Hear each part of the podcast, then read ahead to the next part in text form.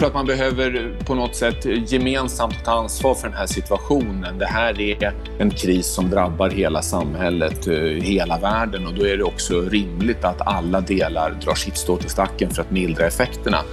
Och om man har tappat 70, 80, 90 procent av omsättningen, då är det orimligt att man ska sitta och betala den fulla hyran. Det, det är ingen som klarar av att göra det. Alla behöver dra sitt strå till stacken. Det behövs en större ödmjukhet från fastighetsägarna. Om man inte har några intäkter, då är det svårt att betala hyran. Ja, det är en tvärnit på marknaden just nu, framförallt för vissa branscher. I spåren av corona så är det otroligt mycket som händer, både när det gäller smittspridning och en ekonomi som i princip har stannat, i alla fall då för vissa branscher. Vad händer just nu övergripande i näringslivet? Hur går det för byggbranschen, fastighetsbranschen, för handeln? Och vad krävs för att lindra de negativa effekterna? Kommer AB Sverige att klara sig? Välkommen till Bopolpodden där du idag ska få träffa tre personer som alla ger sina perspektiv. Katarina Elmsäter Svärd, VD för Byggföretagen, Mats Edenström, näringspolitisk chef på Svensk Handel och Reinhold Lennebo, VD på Fastighetsägarna. Jag heter Anna Bellman och jag är riktigt glad att du är med oss under denna Corona special.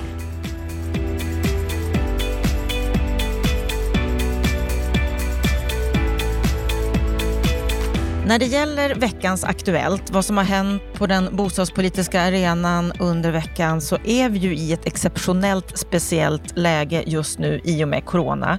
Och eh, vår expertkommentator Lennart Weiss, du har ju en speciell relation till corona kan man ju säga. Du har varit sjuk. Ja, det stämmer faktiskt. Jag sjuknade, insjuknade den 15 mars så det jag är inne på tredje veckan nu.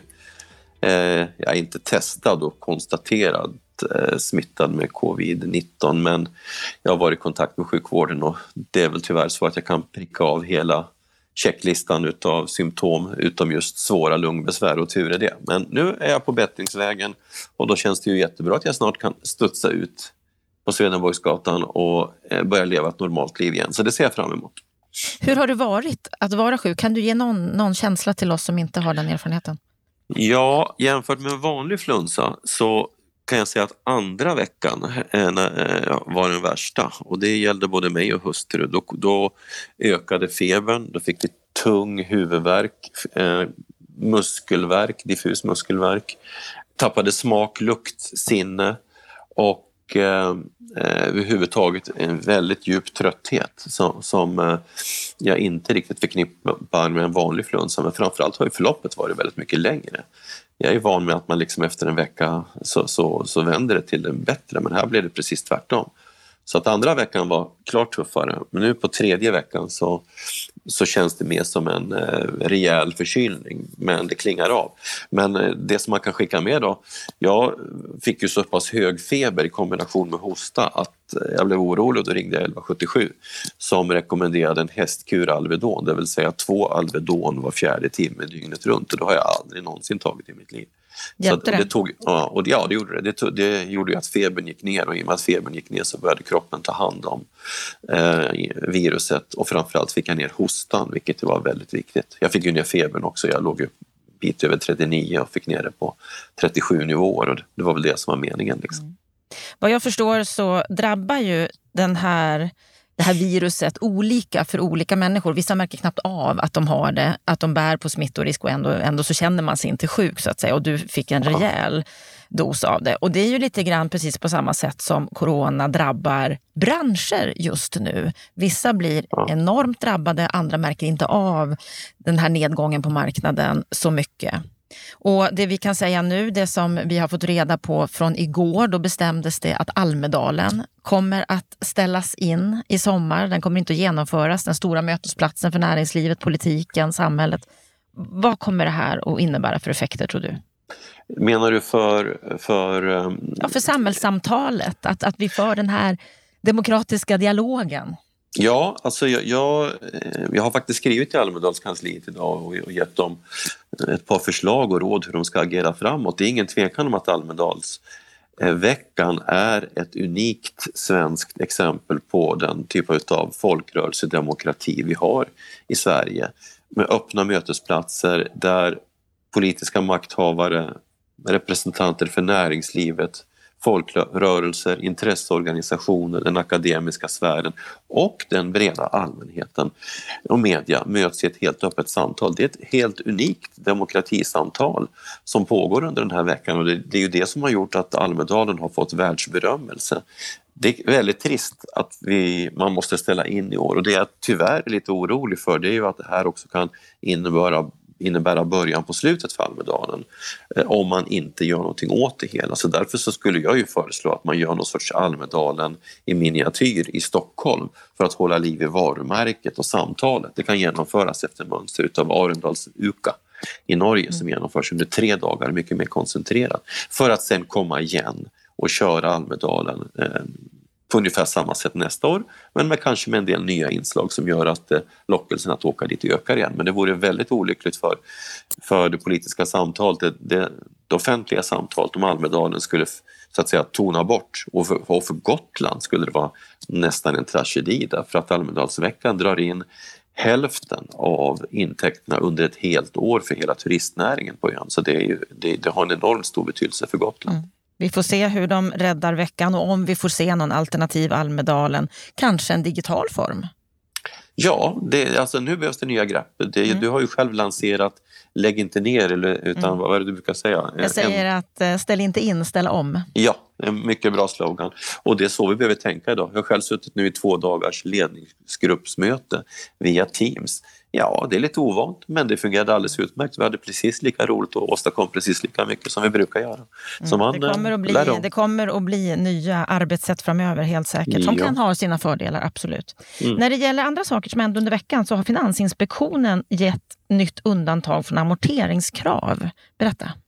Ja, det var nog ändå väntat. Eh, som en följd av coronakrisen så har ju då Finansinspektionen idag, torsdag, meddelat att eh, eh, bankerna har möjlighet att medge eh, amorteringsfrihet fram till och med juni 2021. Det är alltså ett temporärt undantag och man hänvisar eh, specifikt till coronaviruset för att mildra effekterna av coronaviruset för svenska bolånetagare som det står i, på, på Finansinspektionens hemsida.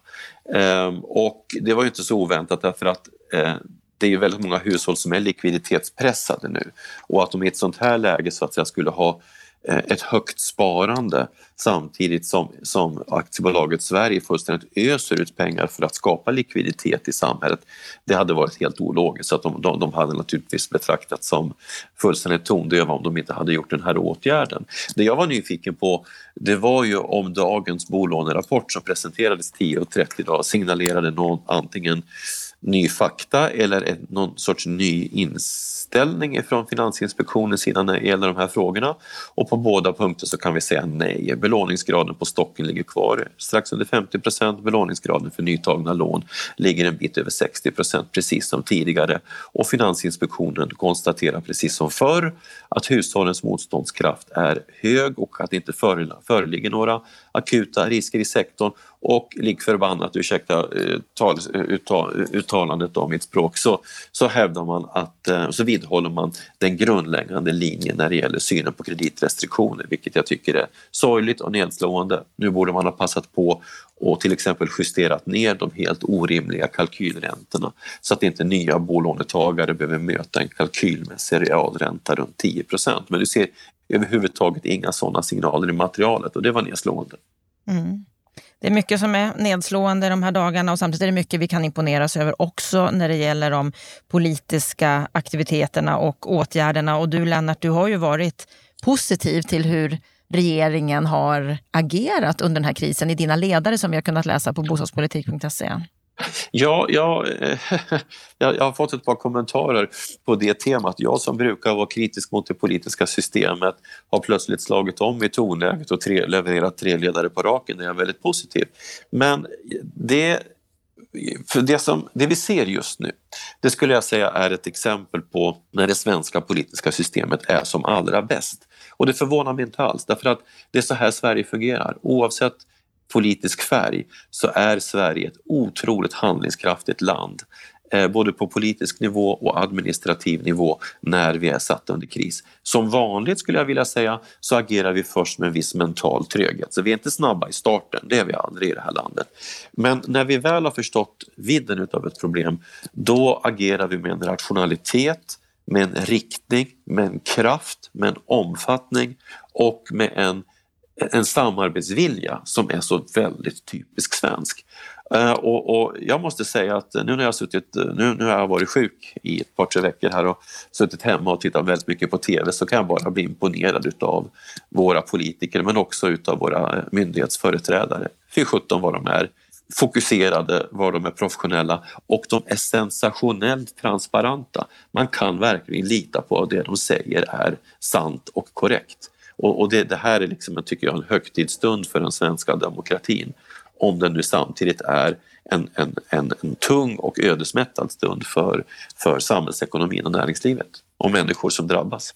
Ja, många drabbas, både människor och många olika verksamheter. Och nu ska vi få träffa tre olika företrädare och höra vad bygg, handel och fastighetsbranschen känner just i det här läget, just precis just nu och vad de vill se för åtgärder framåt i den här framtiden som ju är väldigt oviss. Så om en stund, Lennart, då får du komma tillbaka och kommentera det.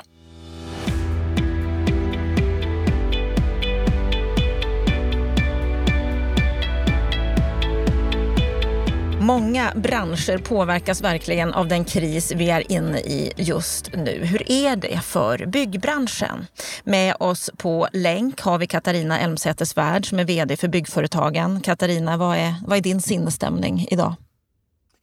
Den är naturligtvis väldigt blandad. Dels för att jag är väldigt engagerad i svenskt näringsliv och alla sektorers akuta situation. Och där finns det ju betydligt av många flera branscher som har det mycket tuffare än vad vi har i byggbranschen.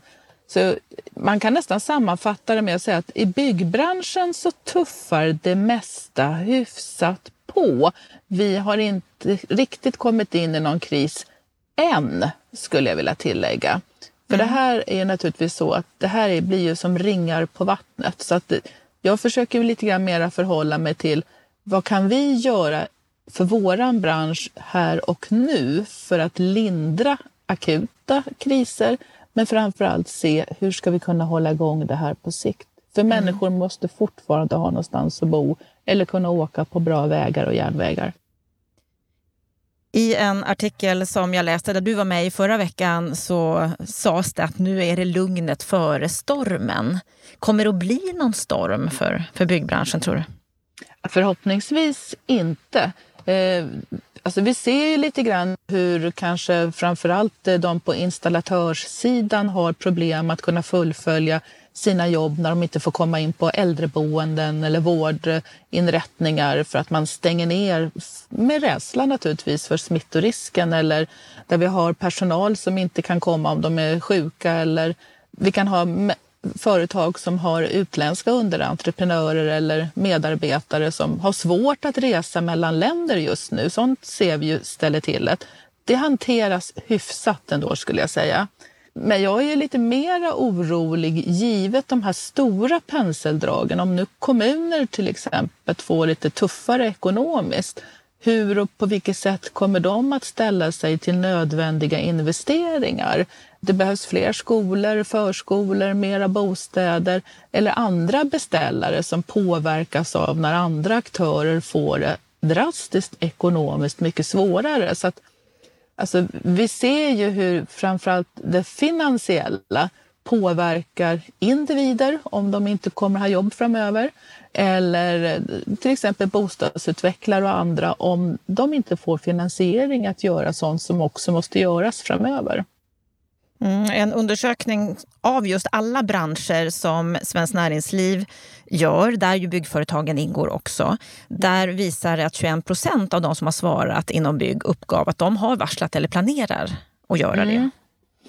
Just det, och då ska man ju samtidigt hålla isär några begrepp tycker jag. I det är ju så otroligt mycket information eh, som kommer och behöver komma i de här akuta lägena. Och direkt när krisen kom och om det börjar få aspekter så var ju varslet det som många först var tvungna att ta till om man såg att det försvann.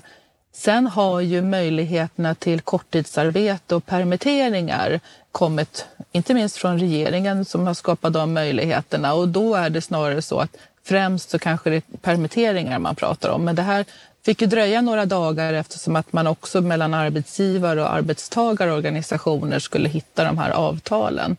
Så där tror jag att vi ser en växling över att de flesta vill inte bli av med sin personal via varsel även om läget är sånt, utan hellre att man korttidspermitterar. Och vad gör ni på Svenskt Näringsliv? Du säger att du är engagerad där. Vad görs nu för att lindra den situationen som vi är i? Ja, vi samlas ju alla sektorer eh, regelbundet och inte minst det du nämnde också, den här företagarpanelen är ju ett otroligt värdefullt instrument. Jag skulle säga det är nog det som Finansdepartementet närmast använder sig av dagligen för att stämma av läget i alla branscher. Vi tittar ju då gemensamt först eh, tillsammans med olika statsråd också. Vad kan man göra för generella åtgärder? I början handlar det mycket om att hålla produktion igång, få faktureringen att funka, men också framförallt likviditetsfrågan. Det var bland annat därav som de här första åtgärdspaketen kom från regeringen. Sen har vi ju hela tiden, eh, det finns en samverkansgrupp inom Svenskt Näringsliv med rent näringspolitiska frågor där man börjar titta bryta ner branschvis. Det är ju faran när man tittar på branschvisa åtgärder att de kanske är lite svårare att få på plats i tid. Eh, och man vill ju heller inte råka ut för att det blir någon form av statsstöd på EU-nivå så att företag måste betala tillbaka. Men det har verkligen pendlat eh, mellan högt och lågt med olika förslag. Och vi stämmer av, vi också från byggbranschen, med de här generella paketen. Är det här sånt som även funkar för våra medlemsföretag? Och det gör det oftast, för de är ju företagare trots allt de är. Och när det gäller den, den, det, det, vi gör här i Sverige så har ju den svenska modellen så att säga fått både ros men också en hel del kritik. Vad säger du själv, görs det tillräckligt? Ja, det är ju väldigt svårt att säga i dagsläget utan det är sånt som troligtvis kommer att behöva utvärderas efteråt. För efterkloka är man ju som alltid bäst på att vara.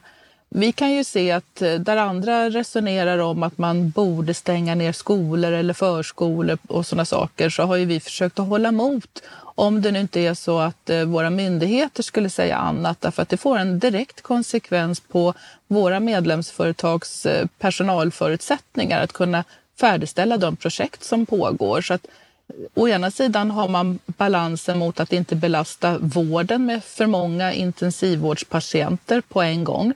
Så att då kan väl den här tanken om att plana ut den så kallade berömda kurvan vara viktig. Men det är också ett sätt att försöka hålla igång verksamheter. För hur det än är, vi ska ur den här krisen och det vore otroligt förödande om både det sociala och det ekonomiska slås ut innan vi är framme den rent hälsomässiga krisen. Så att jag tycker att det, det är jättesvårt att säga vad som är rätt eller fel. Eh, det jag verkligen känner med just nu, det är framför allt de mindre företagen, våra SME-företag oavsett bransch. De har det otroligt tufft, rent likviditetsmässigt. Och det visar ju också den här företagarpanelen att många har ju svårt att klara både en eller kanske till och med två månader innan de måste stänga igen. Och det är riktigt illa. Hur stor förödelse tror du att det kan bli? Ja, det är ju mm, personliga tragedier. Det är ju livsverk som många har byggt upp som kanske måste gå i konkurs. Eh, och sånt är inte bara lätt att återuppta sen. Och, och, det är här som jag känner då skillnaden mellan olika branscher. Vi har ju kollegor i besöksnäring, turism, handel, transporter som har det otroligt tufft just nu. Och som jag säger, byggföretagen, vi är inte där än, tack och lov. Men här gäller det ju verkligen att förebygga så långt det är möjligt. Men byggbranschen påverkas långsiktigt av om enskilda människor inte har finansiella muskler att bygga eller rusta det de behöver eller efterfråga bostäder. Då påverkar det hela bostadsmarknaden. Men det är också så att om det offentliga får svårare med ekonomi, ja, då är det frågan om hur ser anslagen ut fortsättningsvis för infrastruktur? De offentliga beställarna i form av kommuner och regioner som behöver bygga sjukhus eller annat. Hur kommer den investeringen se ut framöver? Så det är liksom det här man måste kunna klara av att hålla flera tankar i huvudet samtidigt. Men hur ser det ut för mindre byggföretag när inte privatpersoner nu kanske investerar i renoveringsprojekt eller som man hade gjort i vanliga fall? Ja, alltså jag kan ju tycka att um, en sak som regeringen borde kunna göra nu om man ska vara riktigt branschspecifik vi ser ju att eh, byggmaterialhandeln uppenbarligen har människor som flödar in. För de som är hemma vid nu och sätter sig i karantän och annat, de verkar ha en väldig förkärlek att tapetsera om och måla om hemma. Så att eh, uppenbarligen finns det ju behov. Eh, ser vi då på våra mindre företag och framförallt de som jobbar just med byggservice och det är där vi ser att de flesta också permitterar och du har varslen som kommer. Här skulle ju verkligen behovet av rotavdraget i en rejäl uppgradering kunna göra förutsättningar för de här företagen att söka mera jobb hos konsument än de ställen där man kanske skulle ha varit idag och där man inte får tillträde på grund av smittorisk. Eh, vi kan ju se att om det blir några hantverkare som inte har tillgång till jobb men är friska och krya i, som, som personer så vill de ju försöka se vad kan de annars göra jobb någonstans och då är det ju framför allt i den stora befintliga bostadsmarknaden som det finns möjligheter. Och då är det ju klart att då vill vi inte att den ska öka och bli svart, vilken den tenderar att bli. Ehm, Ehm, men eh, så här kan rotavdraget spela en stor roll faktiskt, även som en krisåtgärd. Ni är ju väldigt starka förespråkare för en sund byggbransch, har ju drivit det länge, nolltolerans mot fusk. Ni menar bland annat att svenska lagar och regler, det ska ju vara en självklarhet samtidigt mm. som konkurrensen måste ske på lika villkor. Kan det här bli bättre mm. i och med den kris vi är inne i just nu? Det är ju svårt att säga. Jag hoppas ju att eh, liksom själva drivet i nolltolerans mot fusket ska vara oavsett kris eller ej. Det, det, det, skulle också kunna bli tvärtom just nu om det är svårt att få tag på folk och det jobb som behöver göras.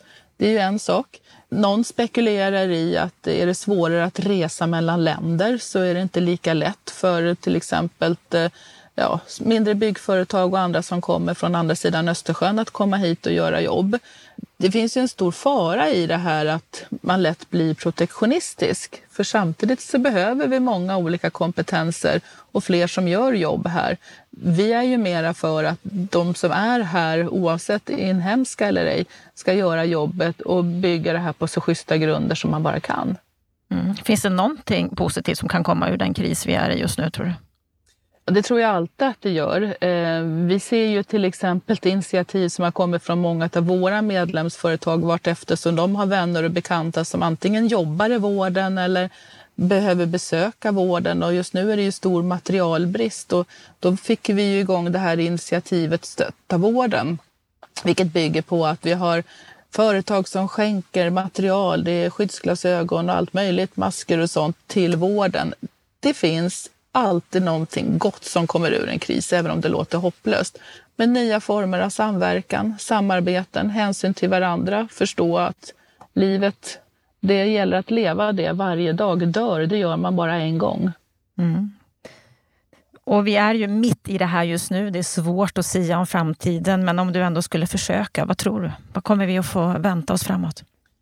Ja, men jag, jag, jag, man vet ju inte riktigt när den värsta pucken kommer och sen så sägs det också att den här äh, vågen med smitta också går lite i vågor. Vi får väl hoppas då att det är så som de här som kan det här med epidemier vet att vi blir lite immuna vartefter så att vi står emot vartefter. För det gäller ju också att de som är friska eller de som har varit dåliga men blivit friska kan så snart som möjligt komma tillbaks till det normala. Att vi är ute och handlar, att vi är ute och äter, att vi liksom, ja, får igång det här sociala igen. För att det är så många andra företag, inte bara i vår bransch, som behöver komma igång. För när de är igång, då är ju förutsättningarna desto bättre även för vår bransch. För så hänger ekonomin ihop.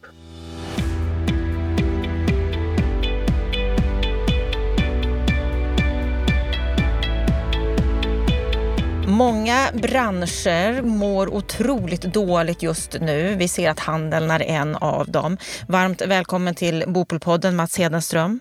Du är näringspolitisk chef på Svensk Handel som ju är en bransch och arbetsgivarorganisation för små och stora företag inom partidetalj och e-handeln. Mats, vad är din sinnesstämning idag? Nej, men det är ju tufft och dystert naturligtvis. Eh, samtidigt så, så, känns det ju inspirerande att kriga på för det känns som att det vi gör nu är, är, är ganska viktigt och det är nu naturligtvis också vi prövas i, i våra roller i branschorganisationer att stå upp för våra medlemmar. Och det, det räcker mer än väl för mig att gå igång på dagarna men vi har ett, ett jätte, jättetufft läge. Eh, ja, för era medlemmar de är ju väldigt utsatta i den här krisen. Ja, men det är de och de är det på lite olika sätt. Alla delar av handeln påverkas av, av coronakrisen. Vi har, har en del som eh, har mera angenäma bekymmer förstås som är kopplat till dagligvaror, apoteksverksamhet, delvis systembolag med en stark efterfrågeökning där personalen prövas hårt och det är svårt att hinna med. Det är å andra sidan, tror jag för de allra flesta, klart att föredra framför det som är den andra delen, det vill säga det som stora delar av partihandeln och i princip hela sällanköpshandeln upplever ett totalt efterfrågetapp. Det skedde ju nästintill över en natt här eh, den 12 i samband med att man meddelade det här första samlingsförbudet på mer än 500 personer och börsras i olika delar av världen och annat. Då, då, det var ju som att lägga en våt filt över sällanköpshandeln. Mm, och då kan vi läsa i tidningen nu den här veckan att det går företag i konkurs varenda dag just nu. Det är nattsvart för handelsföretagen. Är det så illa? Ja, det är det. Det är så illa och, och eh, värre blir det om eh, vi inte landar rätt med, med åtgärder. Och Dels finns det naturligtvis åtgärder som företagen själva förfogar över men, men det finns ju också andra åtgärder. Dels naturligtvis eh, våra kollegor på fastighetsägarsidan som vi tycker behöver dra ett, ett större strå till stacken. Men också från politikens håll, både hur länge kan man ha en nedstängning eller partiell nedstängning av ett samhälle men också vilka typer av stöd kan man ge till de hårdast drabbade branscherna. Om vi börjar med fastighetsägarna då, vad är det de borde göra mer som ni inte tycker att de gör idag? Jag tror att man behöver på något sätt gemensamt ta ansvar för den här situationen. Det här är en kris som drabbar hela samhället, eh, hela världen och då är det också rimligt att, att alla delar drar sitt stå till stacken för att mildra effekterna. Och, och, om man har tappat 70, 80, 90 procent av omsättningen då är det orimligt att man ska sitta och betala den fulla hyran. Det, det är ingen som klarar av att göra det. Och det, det, borde var och en förstå att det är en helt orimlig situation. Dessutom är det hjälp till självhjälp skulle jag vilja påstå för att eh, det har varit nedgångar inom exempelvis handel tidigare och det, det, är en bransch som rör mycket på sig, inte minst i tider av digitalisering och så. Men det är klart att, att eh, här tror jag inte man som fastighetsägare ska räkna med att de nya handelsföretagen, de nya hotellen och restaurangerna står på kö direkt och fyller de lokaler som riskerar att bli tomma om vi, vi ser liksom närmast en slakt som jag befarar. Det låter som att du efterfrågar en lite större ödmjukhet från fastighetsägarnas sida. ja, Nej, men jag tror att, det, att, jag tycker att man behöver hjälpas åt och jag, jag, jag, hoppas att vi tillsammans med fastighetsägarna dels kan sätta lite press på, på politiken. Eh, det finns länder som jag tycker har, har gått före här. Vi har grannländer omkring oss som, som lite tydligare har visat att man står upp för företag och, och jobb. Det var ju också därför vi gjorde gemensam sak med våra fackliga kollegor inom såväl eh, handel som, som besöksnäring här i en debattartikel i helgen att det här handlar om jobben, det handlar om företagen. Eh, vi må ha en del åsiktsskillnader, men det handlar om att stå upp och rädda en bransch. Och det behöver fastighetsägarna också vara med och göra. Er vd Karin Johansson har ju gått ut i debatten och föreslagit omsättningshyror. Hur långt räcker det för att lösa den här krisen?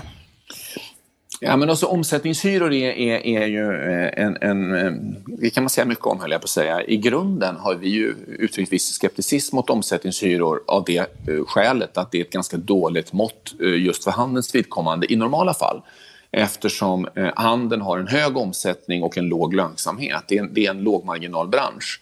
Och att man säljer mycket, inte minst kring de stora handelshögtiderna är tyvärr inte ett kvitto på att man har en bra lönsamhet. Så att en lönsam, lönsamhetsrelaterad hyra vore naturligtvis att föredra. I detta läge som vi befinner oss i nu så är det klart att omsättningshyror eh, skulle ju vara en måttstock på eh, efterfrågefallet.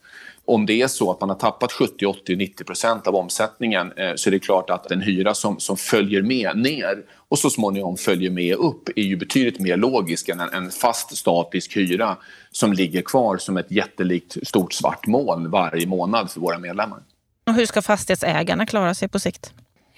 Ja, men jag tror just att både vara med och, och hjälpa till nu men också eh, försöka säkerställa att, att sunda handelsföretag ges förutsättningar att överleva fastigheter värderas ju faktiskt på deras uthyrningsgrad. Det ligger ju även i fastighetsägarnas intresse att, att deras kunder finns kvar och överlever och, och klarar den här krisen. Så att jag ser egentligen inte att det borde finnas en sån motsättning. Och det, det ska också sägas att det finns ju fastighetsägare som är väldigt lyhörda.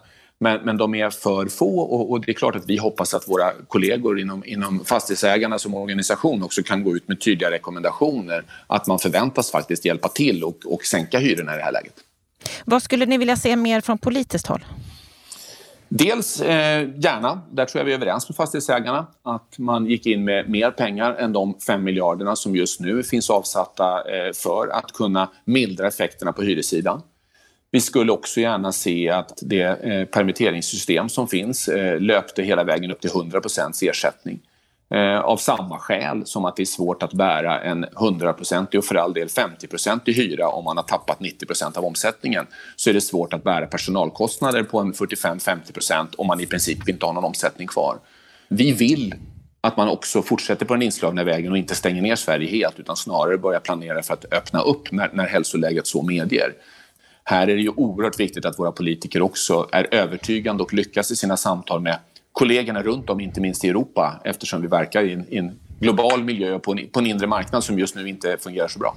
Mm, och här har ju Sverige både fått viss ros men även fått en hel del kritik. Att vi gör för lite, att vi stänger ner för lite. Ja, och det, det, är klart att ingen vet ju. Och det är väl också något sån här allmänt, apropå ödmjukhet, som, som även eh, jag naturligtvis ska tillämpa i det här läget. Ingen av oss har ju varit med om detta tidigare. Det här är en fullkomligt unik situation. Och, och eh, jag vill gärna ge vår, våra eh, ledande politiker oavsett färg den elogen att man visar ju ett politiskt mod att välja en annan väg än merparten av kollegorna. Men det handlar samtidigt om att mäkta med att balansera eh, å ena sidan det extremt högt prioriterade intresset av att, av att stoppa smittan smittspridningen och undvika de här så kallade pucklarna. Men å andra sidan också mäkta med att titta på vilket Sverige vi, vi kommer ut i efteråt. Så att inte en hel ungdomsgeneration exempelvis går förlorad både sig eller drömmar eller jobb eller någonting annat. Det här är inte lätt. Och, och jag förstår att det här eh, kräver en del avväganden men, men jag tycker att man, man liksom gör det bra. Jag tycker att vi börjar öppna upp samhället mer. Men jag tror också att man måste vara medveten om att den svenska vägen kommer förmodligen att ta lite längre tid än den andra. Och då innebär det att stöden till näringslivet är ännu viktigare om vi ska ha ett näringsliv kvar, framförallt ett livskraftigt sådant. Mm, och då kommer det ju fortsätta på den vägen att vi kommer att få se fler konkurser, fler som är tvungna att stänga ner. Vad är ditt råd till handlarna, de som är illa utsatta så att säga, de som inte rider på den här vågen med ökad efterfrågan? Nej, men alltså det, det, det är naturligtvis merparten av våra medlemmar i sällanköpshandeln är så, så hårt pressade idag så att, att man, man lever några dagar framåt och det handlar om hyresbetalningar och annat och förhoppningsvis kanske man kan få anstånd med den hyra som ska betalas nu här under dagen eller morgondagen. Men se över sin kostnadsmassa. Eh, att naturligtvis också, inte minst för framtiden, eh, titta på, på om man inte finns i flera olika kanaler, öppna upp olika kanaler och möta kunderna på annat sätt om man inte kan möta kunderna fysiskt. Och också att, att, att, eh, helt enkelt eh, vara ute och vara med i samhällsdebatten och beskriva situationer. För det är klart att vi blir ju inte starkare än våra, vad våra medlemmar är i det sammanhanget. Jag tycker att det är en styrka att vara medlemmar också eh, med berättar av, av entreprenörer av kött och blod, vilken situation de har. Jag tror att vi alla behöver höra den historien. Det är ju tidigt att säga vad det här kommer att leda till, vad vi kommer att lära av den här krisen vi är mitt uppe i just nu. Men om du ändå får gissa, vad tror du? Kommer vi gå starkare ur det här? Men man vill ju alltid tro det. Men om jag skulle ha en branschspecifik förhoppning så, så både tror och hoppas jag att det här kommer att vara lite grann som en väckarklocka i hur man jobbar med, med kanske hyresavtal framöver en helt annan transparens, att man, man faktiskt på ett tydligare sätt ställer krav på att det ska vara en, en öppenhet. Vi vill ju ha en, en blomstrande konkurrens handelsföretag emellan. Men, men det har varit lite hysch-hysch kring det här med, med hyressituationer många gånger och det, jag tycker våra medlemmar behöver tuffa till sig så att man skriver avtal som, som är mer konkurrenskraftiga där man fördelar risken bättre än vad vi gjort hittills. Stort tack Mats Hedenström för att du var med i Bopolpodden.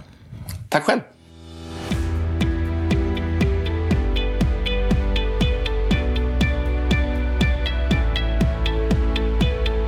Ja, vi har hört talas om detaljhandeln, sällanköpshandeln, många verksamheter som har det svårt att betala sina hyror just nu. Några som blir drabbade av det här det är fastighetsägarna. Hur ser läget ut för fastighetsbranschen? Det ska vi prata om nu. Varmt välkommen till Bopolpodden, Reinhold Lennebo.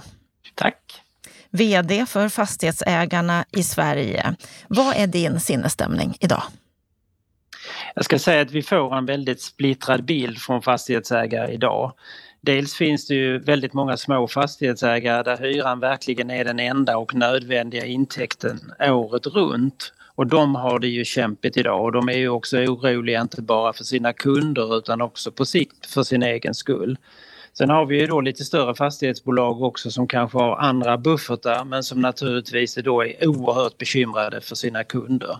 Så det är ju lite av en svart svan det här som har dykt upp och det har kommit väldigt, väldigt fort. Mm, det har kommit otroligt fort och otroligt fort för, för så många olika branscher och många olika verksamheter. För några dagar sedan så skickade ni ett brev till Svensk Handel och Visita där ni menade att några av era medlemsföretag fått hotfulla brev från hyresgäster för att de vill ha lägre hyra. Dagens Industri de kallar det för att det rasar en öppen strid mellan er på Fastighetsägarna och hyresgästerna. Stämmer det här? Är det en hyreskonflikt som vi ser eskalera i spåren av corona? Eh, alltså det finns naturligtvis en stress, en oro hos väldigt många hyresgäster idag som tar sig olika uttryck och jag tror att man ska se just den här delen av diskussionen som, ett, eh, som en utkomst av det, oro och stress. Vi har haft väldigt bra möten med Svensk Handel och Visita under veckan och vi har en gemensam syn på att vi nu måste göra allt vi kan för att utnyttja alla de här fem miljarderna som staten faktiskt ställer till förfogande för att hjälpa just de utsatta branscherna inom sällanköpshandel och besöksnäring. Så, och faktum är att om man läser Dagens Industri idag så har de ju konstaterat det också att det kanske inte var så mycket strid. Utan det här är ett uttryck för den oro som finns och den frustration som finns. Och då blir det så här ibland att man tar till övertoner och man kanske inte tänker konsekvenser hela tiden. Men vi har sagt till våra medlemmar nu på ömse sidor, sätt er ner och prata med varandra, skapa lösningar. Det finns hjälpmedel, använd dem. Svensk Handel de efterlyser lite större ödmjukhet från fastighetsägarnas sida, att det är en exceptionellt svår situation som väldigt många befinner sig i. Och det är lite det du menar också när det gäller att försöka hitta gemensamma lösningar? Jag tror att gemensamma lösningar kräver ödmjukhet både från de stora handelskedjorna och från många fastighetsägare. Alla måste hjälpas åt och ödmjukhet tror jag är ett väldigt bra redskap i en, att hantera situationen, det tror jag absolut. Hur allvarligt är det här som du ser det? Jag bedömer att det är mycket allvarligt och skälet till det, det är ju att vi är ju ingen som tror längre att detta bara är en effekt under kvartal två utan det kommer att få effekter under kvartal tre också, kanske fyra. Därför att det tar tid innan vi vågar komma tillbaka i våra normala rutiner när det gäller att gå ut och äta på restaurang, att gå på bio, att träffas i större sammanhang igen. Vi kommer liksom inte att kasta oss ut när, när eh, de här restriktionerna upphör. Så att det kommer att bli långsiktiga effekter. Så det är det som gör det allvarligt. Kommer vi se fastighetsägare som slås ut? Ja, det vågar jag inte säga. Jag tror att fastighetsbranschen har ju en viss stabilitet genom att man ändå sitter på de här så kallade fasta resurserna men det kommer ju bli många fastighetsägare som kommer få det jättekämpigt och då får man ju hoppas att det finns en tillit hos bankerna och banksystemet som hjälper fastighetsbranschen över den här pucken.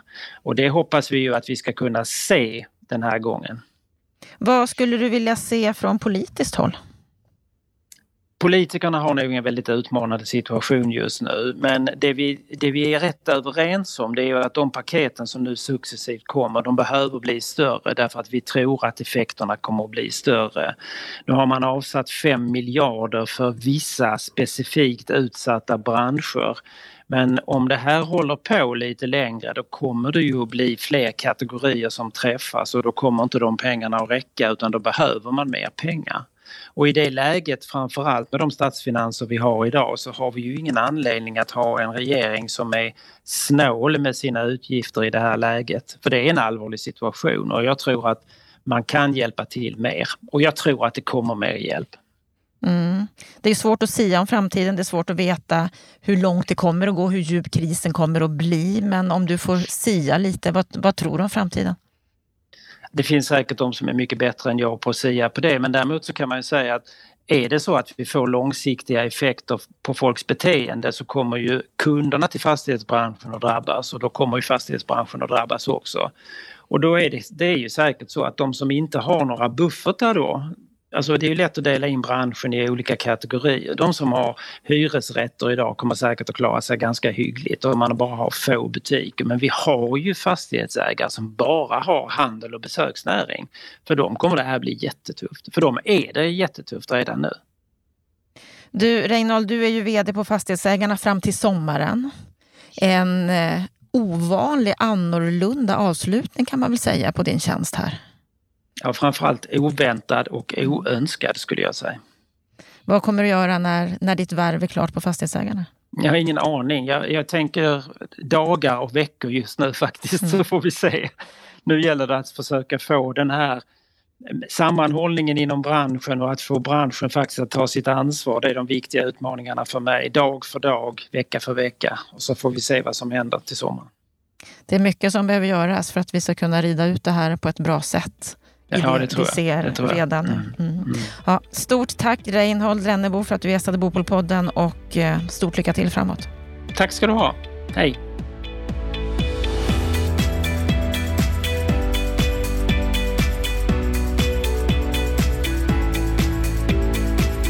Då har vi hört Katarina Elmsäter-Svärd, Mats Hedenström och Reinhold Lennebo. Vad säger du Lennart om de här samtalen?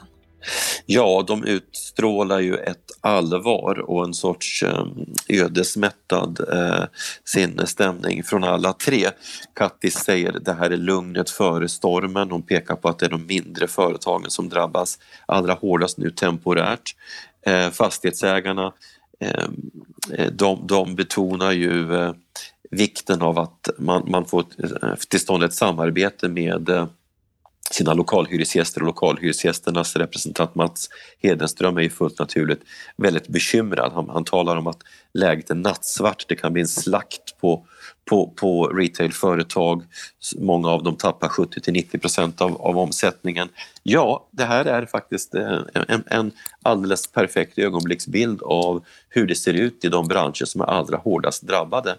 Det man helt enkelt kan eh, både hoppas men också vara tämligen säker på det är att det kommer att komma oerhört mycket mer åtgärder för att eh, parera de här konsekvenserna. För självklart så skulle det ju inte räcka med att vi, vi ökar så att säga, kontantstödet i form av a-kassa till, hus, till hushåll och individer. Det som måste ske det är åtgärder som räddar tusentals svenska företag.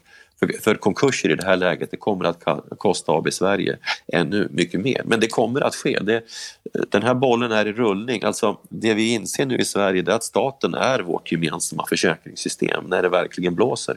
Och då har vi ju fördelen av att vi har en väldigt låg statsskuld i Sverige. Om den skulle fördubblas från 35 till 70 procent av BNP det vill säga från 1200 miljarder till 2500 miljarder, så skulle det inte göra någonting. Räntorna skulle inte stiga nämnvärt det är det i den riktningen som alla agerar nu därför att man förstår allvaret. Och de här tre samtalen understryker egentligen bara det, det läge och det tillstånd som vi känner till. Men vi hör ju också att både Reinhold Lennebo och Mats Hedenström talar om vikten av samarbete. Ingen tjänar på konflikt i det här fallet. Nej, de menar att vi måste ta ett gemensamt ansvar. Ja, och då säger ju Mats, understryker ju verkligen vikten av att fastighetsägarna i det här fallet verkligen går in och och är mer ödmjuka och lättar på hyrestrycket. Ja, det är de som ska, enligt systemet så som de fungerar då, som ska gå in till staten och ansöka om det här hyresbidraget motsvarande 50 procent av hyreskostnaden. Men en del fastighetsägare kommer att bli tvingade att justera hyrorna ytterligare. Så att eh, eh, på tal om risker i fastighetssektorn så ser vi nu återigen, och jag får väl jag får väl, eh, lyssnarna får väl ursäkta mig att jag säger vad var jag sa. Jag har sagt gång på gång att de, de största riskerna i fastighetssektorn de finns nästan alltid i den kommersiella fastighetssektorn för det är någon gren utav dem som, som riskerna eh, uppstår. Jag hade kanske trott att det skulle vara logistik som skulle drabbas men nu med corona så blev det handelsfastigheter med retailorienterade fastighetsägare. Eh, men de är också stora, i regel stora och, och, och, och, representerar livskraftiga företag. Så de kommer inte att gå omkull i den här krisen. Bankerna kommer inte att utlösa eh, en fastighetskris genom att kräva in tilläggssäkerheter i ett läge när kassaflödena är pressade så länge som den underliggande eh, säkerhetsmassan ändå är trygg och företagen fungerar. Så att här kommer liksom staten och näringslivet och fastighetsägarna att samverka. Staten för att säkerställa att företagen överlever och genom att de överlever så kommer de att kunna eh, så att säga, betala sina hyror under en övergångstid mindre än tidigare men på sikt så kommer ju handeln att återkomma i takt med att befolkningen blir sjuk, friskare igen. Så att på 6-9 månader så kommer business att återgå till, den, till det normala. Nu gäller det att hantera den akuta situationen vi har just nu och det kommer de här olika krafterna, parterna att se till att man i god samverkan också kommer att göra. Så när jag lyssnar på dig och försöker tolka det du säger så är du i grunden optimistisk till att det här kommer att gå vägen. Vi kommer kunna rädda AB Sverige. Ja, AB Sverige kommer definitivt att klara sig och, och när vi har kommit ut på andra sidan eh, den här, det här röret så kommer Sverige att klara sig otroligt mycket bättre än många andra land, länder. Men det jag tror, Anna, det är att det som vi är med om just nu, det kommer att definiera näst, den, den, dagens unga Eh, eh, alltså det kommer definiera den här generationens syn på samhället i en lång rad olika konsekvenser. Vi kommer att få en, en delvis annorlunda syn på globaliseringen. Vi kommer få en annan syn på vikten utav skatter, utav a-kassa, utav trygghetssystem, av beredskapslager, av riskbeteende, av eget kapital, säkerheter etc. Många av de här grundläggande parametrarna kommer att förändras i grunden. Vi, vi kommer bli mycket mer riskmedvetna i olika avseenden men också vara mycket mer medvetna om att eh, vi måste skapa gemensamma system som gör att AB Sverige har skyddsnät om oväntade händelser inträffar. För det vi, det vi utstår nu, det är bara en föraning, en förövning av den enorma prövning som vi på global nivå kommer att drabbas av när klimatkrisen måste hanteras på allvar. Det är en synnerligen intressant, om man får säga så, skeende som vi är med om just nu och vart det tar vägen, det, det får vi se. Det var det vi hade från detta Corona-specialprogram. Nästa vecka, då är det långfredagen, då tar vi påskledigt och så hörs vi igen efter påsk. Tack snälla du för att du är med och lyssnar på Bopolpodden. Ha en så bra vecka du bara kan.